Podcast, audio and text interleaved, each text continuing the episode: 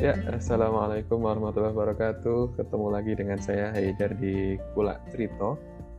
Dan hari ini, alhamdulillahnya saya nggak sendiri.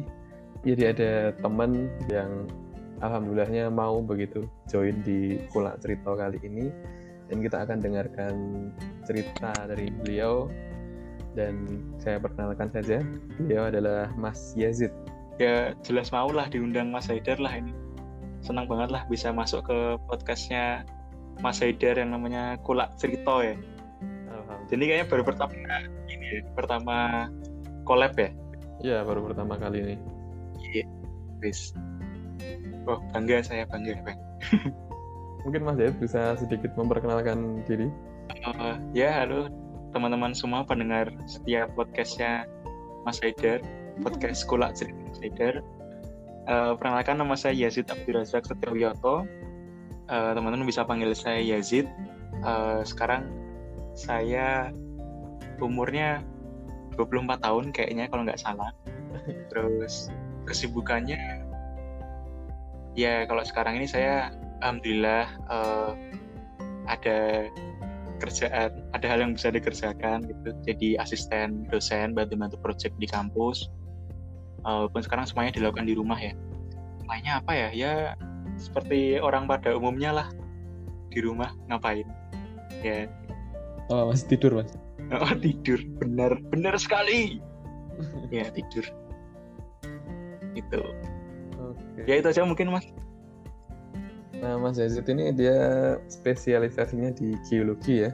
Beliau iya. sempat diamanai jadi ketua himpunan di angkatan 2014 ya di psikologi eh kok psikologi tau? Ikut aku. Geologi UGM ya. Uh, periodenya 2014 aku angkatan 2014 ya uh, maksudnya angkatannya. Uh, Mas Yazid ini punya banyak cerita sebetulnya. Ini mau mulai dari cerita yang mana Mas Yazid? Kalau kemarin terakhir ketemu itu terakhir ketemu nggak ya? Bukan ya pas kita ke kali orang itu Mas Yazid sempat cerita beberapa pengalaman ya tentang uh, bertemu dengan makhluk yang bukan. Tapi enggak. ada ada cerita juga yang belum sempat diceritakan waktu itu. Nah ini saya jadi penasaran. Atau mau cerita yang lain aja yang lebih iya ini kemarin kan pas Mas Eda jadi pengisi kajian gitu ya cara gitu eh ya upgrading soft skill gitu. Kita dari kali orang dan enaknya kok di kali orang tuh ngomongin ini kisah-kisah apa sih ya horror eksperimen gitu ya di kali orang kayak gitu. Ya biar viral gitu mas kita ngomongin hal, -hal yang mistis-mistis. Biasanya ngomongin itu viral di YouTube gitu mas. Oh ngomongin itu aja. Tapi ya ini berhubung uh, apa ya berhubung kan konsepnya Mas Eder kayaknya nggak ke sana ya kayaknya yang lain aja sih Mas. Ngomongin apa ya? Gimana Mas Eder kabarnya? Nambah berapa kilo di rumah? Alhamdulillah. Oh Anda salah menduga Anda. Oh iya. Selama di rumah ini ternyata saya malah turun. Bisa, berapa kilo? Minus dua. Ya, mungkin sekitar tiga turun minus dua. tiga sampai empat kilo lah. Oh iya iya. Iya. Oh pintar oh iya dong. Mantap pak. Oh, okay. anu aja mas kemarin kan tak saranin tekan dari Instagram nah itu aja tuh. Ya ya kemarin Mas Yazid itu sebenarnya kalau saya lihat Instagramnya Mas Yazid itu ini ya saya jadi pengen karena yang main Mas Yazid nih. Bahkan skripsinya itu kan harus mengharuskan beliau untuk main. Hmm, harus main. Mungkin ceritanya itu aja Mas Yazid uh, kalau teman-teman geologi itu sebetulnya uh, di lapangan itu ngapain? Dan apakah ada cerita yang menarik gitu ketika teman-teman atau Mas Yazid ngambil data di tempat-tempat berbatu-batu itu? Dan sebetulnya apa sih menarik gitu yang membuat Mas Yazid pengen belajar itu terus gitu kan uh, pasti setiap ilmu pengetahuan itu ada titik di mana uh, itu membuat pembelajarnya menjadi tertarik untuk mempelajari terus begitu kan. Dan di geologi kan pasti juga ada hal tersebut. Dan secara spesifik membuat Mas Yazid ini setia untuk belajar geologi terus gitu. bahkan sekarang masih di kampus setelah lulus. Iya. Kan itu mungkin bisa cerita Mas Yazid kan nggak semua orang tahu gitu. Sebenarnya dari batu-batu itu apa sih cerita yang bisa diambil? Hmm. iya iya. Uh, ya kok di lapangan ngapain? Di lapangan kami kepanasan capek trekking beli es duduk-duduk gitu sih sering ya itu sisi lain lah. Tapi kalau idealnya ya kami ke lapangan itu kan ambil data pengamatan lapangan gitu kan ya. Jadi namanya geologi kan ilmu tentang geo ya atau bumi. Bumi sebagai planet. Objeknya bumi. Bumi dari batasan uh, yang dipelajari adalah dari permukaan bumi sampai ke inti bumi. Tuh, kalau yang lainnya kan ada yang misal kayak geodesi itu ini umumnya aja ya uh, kasarannya aja geodesi itu kan mempelajari dari permukaan bumi sampai ke satelit sampai ke langit. Nah kalau geografi itu mempelajari permukaan bumi ke bawah, permukaan bumi ke langit, plus kegiatan sosial di dalamnya. Gitu nah geologi ya permukaan sampai ke inti bumi. Jadi ya objek kami sebenarnya ya batu. Nah itu yang menarik ya. Hmm. karena kalau dulu kan ketika uh, saya itu masih belum masuk geologi lihat batu tuh ya kayak orang umumnya ya batu ya ya udah batu gitu kan di ganjel bil jadi bahan untuk semen gitu kan atau dipegangi kalau lagi kebelet gitu misalnya atau bandung-bandungan gitu Opo mas? Wah itu nanti itu ranahnya ranah cerita horor misterius. Pokoknya gitu. Tahunya ya berarti ya baru aja kita teman-teman lihat lah. Nyampe setelah masuk ke geologi, hmm. Setelah masuk saya masuk geologi, saya melihat batu itu tidak tidak seperti saya melihat batu sebelum-sebelumnya. Jadi ada jadi kayak hidup gitu. Ada lebaynya gitu ya. Jadi kayak hidup dia jadi kayak jadi kalau kita lihat langsung bisa ngelihat batu ini terbentuk, bagaimana sejarahnya. Terus kenapa kok batu ini ada di sini ya? Oh berarti daerah ini tuh kondisinya geologi seperti ini. Oh berarti dulu di daerah ini tuh pernah terjadi uh, mungkin pernah terjadi fenomena alam seperti ini dan lain sebagainya.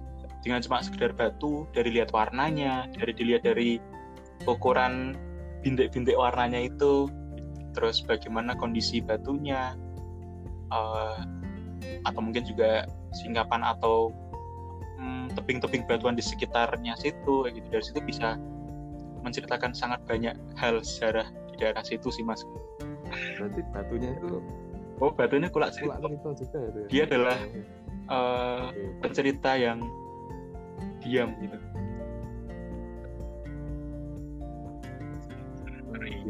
Silent makanya seorang itu adalah seorang art storyteller. Gitu. Hmm. penerjemah para batu. Nah sekarang tapi kan ketika diceritakan begitu kan saya juga nggak nggak tahu apa-apa ya maksudnya. Mungkin kita yeah, butuh yeah. contoh yang lebih spesifik Mas Yazid. Maksudnya misalnya Mas Yazid pas mana itu lihat batu seperti apa dan di situ tuh oh berarti begini begitu. Misalnya saya kalau ke Gunung Kidul itu kadang-kadang kok ada uh, batu-batu yang sepertinya dari laut begitu misalnya seperti itu. Karena saya nggak tahu apa-apa ya jadi iya iya iya. ya hanya lihat aja gitu. Uh, ya tadi contoh yang benar sih mas. Jadi di Gunung Kidul contoh gampangnya lah. Maksudnya teman-teman di sini kan yang Jogja lah ya. Kalau ada pendengar yang sekarang lagi di Uzbekistan ya mohon maaf. Tapi kalau misalnya di Jogja deket Gunung Kidul ini itu gue kita nggak tahu dong nanti ini akunnya akan sebesar apa followersnya berapa ribu berapa juta ya kan? Terus ada yang iseng oh, iya. aku mau mendengarkan ini ya mau mendengarkan collab pertamanya Mas Haider nggak tahu juga. Nah lanjut ya. Jadi misal di Gunung Kidul tadi bener Mas Haider kita ketemu batu gamping. Iya ada batu gaming batu yang kuning-kuning putih-putih itu loh di sekitar jalan kan sering kita lihat. Uh, atau di pantainya lah atau di gunung kidulnya. Yang sering ditambang kan ya? di situ tuh kita bisa lihat di situ kan kalau teman-teman lihat ada sisa-sisa fosil cangkang kayak pongpongan yuyu gitu kan. Kerang kayak gitu. Nah jadi uh, jadi habis kita melihat di batu itu kok ada sisa-sisa uh, bukti endapan hewan-hewan laut. Nah maka dari situ sederhananya kita bisa asumsikan oh berarti batu ini tuh berasal dari laut maka bisa jadi daerah ini dulu misal di Wonosari itu dulu itu adalah uh, letaknya di bawah permukaan air atau di bawah air itu sendiri. Nah, contohnya seperti itu. Berarti kan kita bisa melihat, oh berarti Gunung Kidul ini, daerah ini mengalami pengangkatan. Dulu itu awalnya di bawah laut, sekarang udah di permukaan, keangkat kayak gitu. Ternyata itu meluas, Mas Haidar. Keangkat kayak gitu tuh sampai ke Pacitan, Mas. Jadi ke Pacitan juga ditemuin batu-batu kayak gitu. Jadi sepanjang Pulau Jawa dari timur ke barat ini, bagian selatannya sekeangkat semua. Oh ternyata harus kita pelajari ini berhubungan dengan uh, subduksi lempeng. Wah ini dalam lagi ya bahas lempeng ya. Intinya subduksi tau kan ya. Jadi kan lempeng Australia kan sekarang tuh ndelesep masuk ke bawah Pulau Jawa kan gitu karena ada kompresi utara selatan. Jadi keangkat tuh Pulau Jawanya karena kedelesepin eh, gimana bahasanya jadi ada lempeng Australia di bawahnya Pulau Jawa yang sampai sekarang masih aktif masuk berapa senti per tahun ya. Itu mengalah, membuat jadi adanya pengangkatan di uh, daerah selatan Pulau Jawa. Atau contohnya lagi kayak gini mas. Kalau ke selatan dikit, eh maaf ke daerah Piungan, ke, ke barat dikit ya dari Gunung Kidul dari daerah Kepiungan, di situ tuh ada teman-teman tahu ada namanya tebing breksi. Ya pernah ke situ pasti ya harusnya ya Nah di tebing yeah, yeah, yeah. itu sebenarnya kalau kita lihat jenis batuannya pernah lewat. Itu kalau uh, kita lihat di situ ada uh, batu yang kayak terbuat dari abu-abu abu vulkanik gitu loh. Kalau kita hujan abu ada abu vulkanik, nah itu di situ tuh kayak batunya terbentuk dari abu vulkanik yang membatu. Di situ juga terlihat ada uh, ada butiran-butiran batu apung namanya atau kita sebut biasanya pumis kayak batu apung. Nah, batu apung itu menunjukkan adanya pernah ada ledakan gunung api yang sangat besar. Itu membentuk uh, batu apung. Bahkan Gunung Merapi pun itu nggak membentuk batu apung gitu. Jadi ini lebih besar daripada letusan uh, Gunung Merapi. Nah, kemudian di Semilir itu kan banyak peninggalan-peninggalan ini ya, maksudnya peninggalan hasil ledakan itu ya, endapan-endapan hasil ledakan gunung api. Terus di dekat Semilir itu ada yang namanya Ngelanggeran. Gunung api purba Ngelanggeran pernah ke sana juga ya Mas Ya. Pernah? Ya. Nah di situ tuh kalau kita lihat gunung api Ngelanggeran yang bentuknya kayak tinggi-tinggi gitu, kalau kita deketin batunya, itu sebenarnya kalau dalam geologi masuk dalam jenis batuan beku Terus kalau dilihat lebih jauh, batuannya ini tuh terbentuknya itu bukan bukan kayak lava yang keluar. Oh jadi sebelumnya gini ya, batu beku adalah batu yang terbentuk dari hasil pembekuan um, magma atau lava gitu. Eh maaf dari pembentukan magma. Wah ini takut nih kalau ada orang geologi yang denger nanti saya disalah-salahin. Ya intinya dari pembekuan magma gitu. Magma yang membeku jadi batuan beku. Simpelnya kayak gitu. Nah jadi oh, masih dalam gunung api. Benar magma itu adalah uh, cairan panas yang masih dalam gunung api kalau lava itu sudah keluar dari gunung api. Nah intinya itu membeku kemudian membentuk batuan beku. Nah kalau dilihat dari batuan beku yang di Langgeran itu itu bisa kita pastikan batuan beku ini tuh terbentuk di uh, dalam gunung di dalam gunung atau spesifiknya adalah di leher dan gunung api. Jadi ngomongin gunung itu kan di bawah gunung itu ada dapur magma, kemudian naik ke permukaan ya eh, magmanya itu lewat leher atau vulkanik neck itu baru kemudian nanti keluar ke permukaan. Nah di Melanggaran itu batu yang panjang-panjang itu adalah saluran dalam gunung sebenarnya. kelihatan dari jenis batunya itu. Nah, maka kalau kita bisa lihat ini batunya ini yang tersisa adalah saluran uh, gunung itu, maka berarti sebenarnya di daerah Ngelanggaran itu itu sebelum ini, sebelum ini atau masa lalu itu ada gunung yang sangat besar banget yang sekarang udah tererosi, udah habis, tinggal batuan beku di uh, saluran tengahnya gunung itu gitu. Ini juga yang mendukung sisa tadi yang di tebing breksi tadi oh jangan-jangan uh, gunung yang sangat besar ini itu tuh meledak kemudian meninggalkan endapannya endapannya ya kayak di similar itu ada bumis ada vulkanik dan lain sebagainya.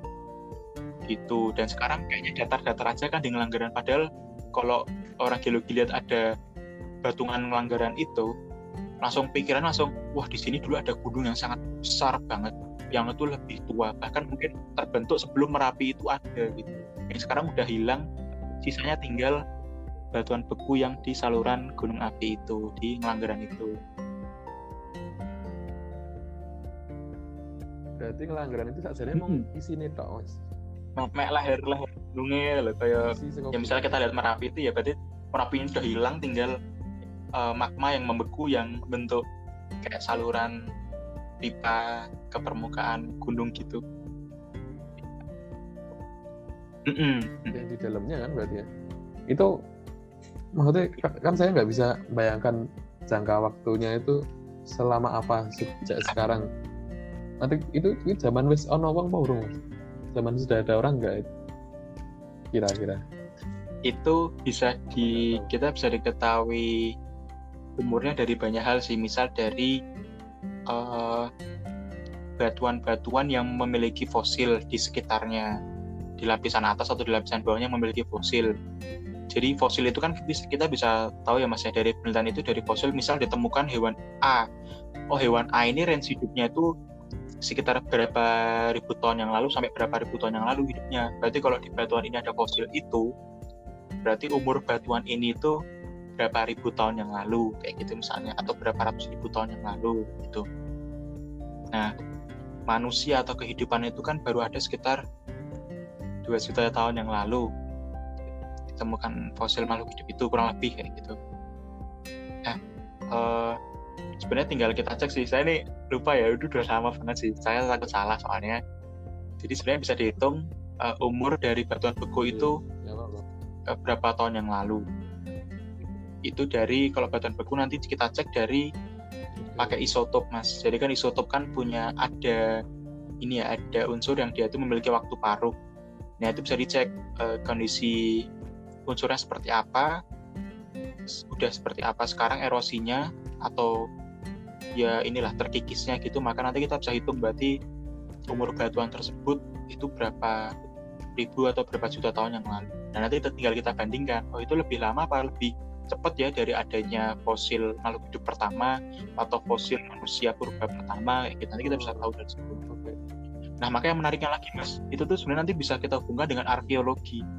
Jadi kejadian-kejadian itu bisa kita hubungkan dengan punahnya suatu makhluk hidup, punahnya suatu pur, uh, manusia purba, punahnya suatu kerajaan di tahun uh, abad ke-15, abad ke-14 itu bisa kita trace juga dari sejarah geologi gitu dan akhirnya banyak juga ketemu misalnya ada kerajaan apa yang dia tuh habis ternyata karena uh, gunung api yang meletus karena banjir bandang karena tsunami itu semua bisa terlihat.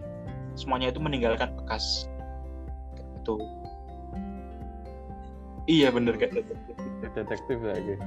Ini juga seperti seperti eh, iya iya forensik. Forensik, forensik. Ya, tapi forensik iya gitu geologi luar biasa tapi ini waktu kita sangat mm ini sekali. Mas kita rekamannya menjelang buka ya, ambil nunggu buka. Nah.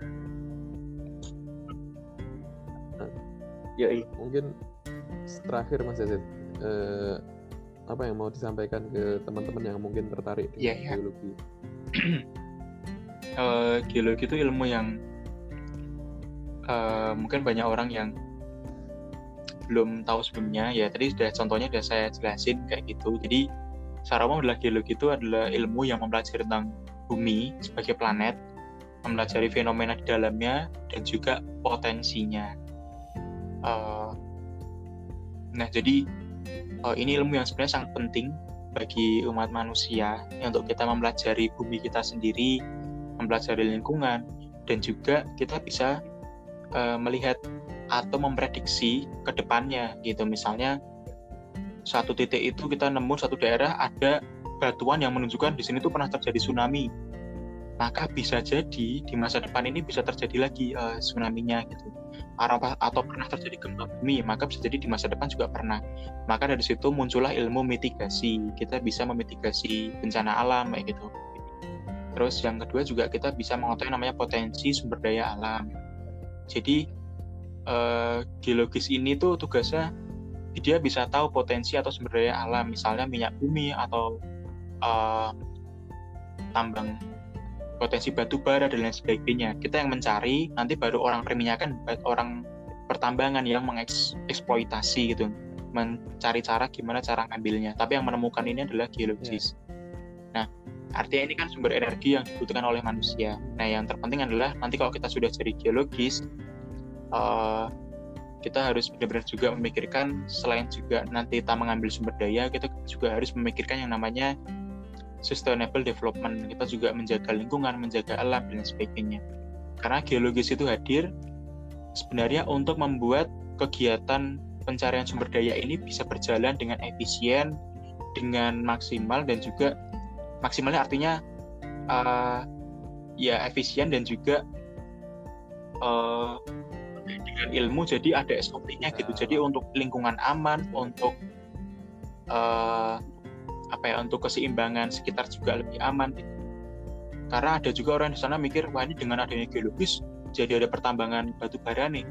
Nah padahal kalau nggak ada geologis sekalipun tambang pertambangan batu bara itu tetap akan ada. Dan lebih barbar kalau nggak ada ilmunya gitu.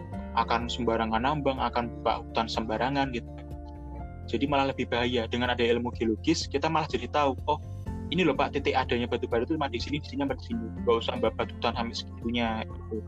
Terus juga ada ilmu untuk recovery-nya gitu. Jadi hmm. semuanya karena berhubungan dengan bumi lingkungan juga berhubungan dengan bumi maka ilmu geologis itu menjadi ilmu dasar untuk sebenarnya ilmu dasar untuk ngapa-ngapain gitu untuk membangun untuk membuat suatu keseimbangan lingkungan dan sebagainya itu ilmu geologi juga sangat berperan di situ. Jadi uh, nanti siapa pun jadi geologis uh, kita harus juga harus apa ya memikirkan yang namanya keseimbangan lingkungan. Gitu aja Mas Haidar. Terima kasih banyak Mas Yazid sudah bercerita dan juga sudah memberikan eh, insight-nya begitu ya. Uh, terima kasih juga pada semua pendengar yang sudah mendengarkan podcast kali ini. Semoga bermanfaat dan karena sudah ada selamat berbuka Mas Yazid. Iya, ada ini uh, semoga tidak kapok. Wah dengan senang hati ini cepet banget nih sebentar banget nih. Terima kasih.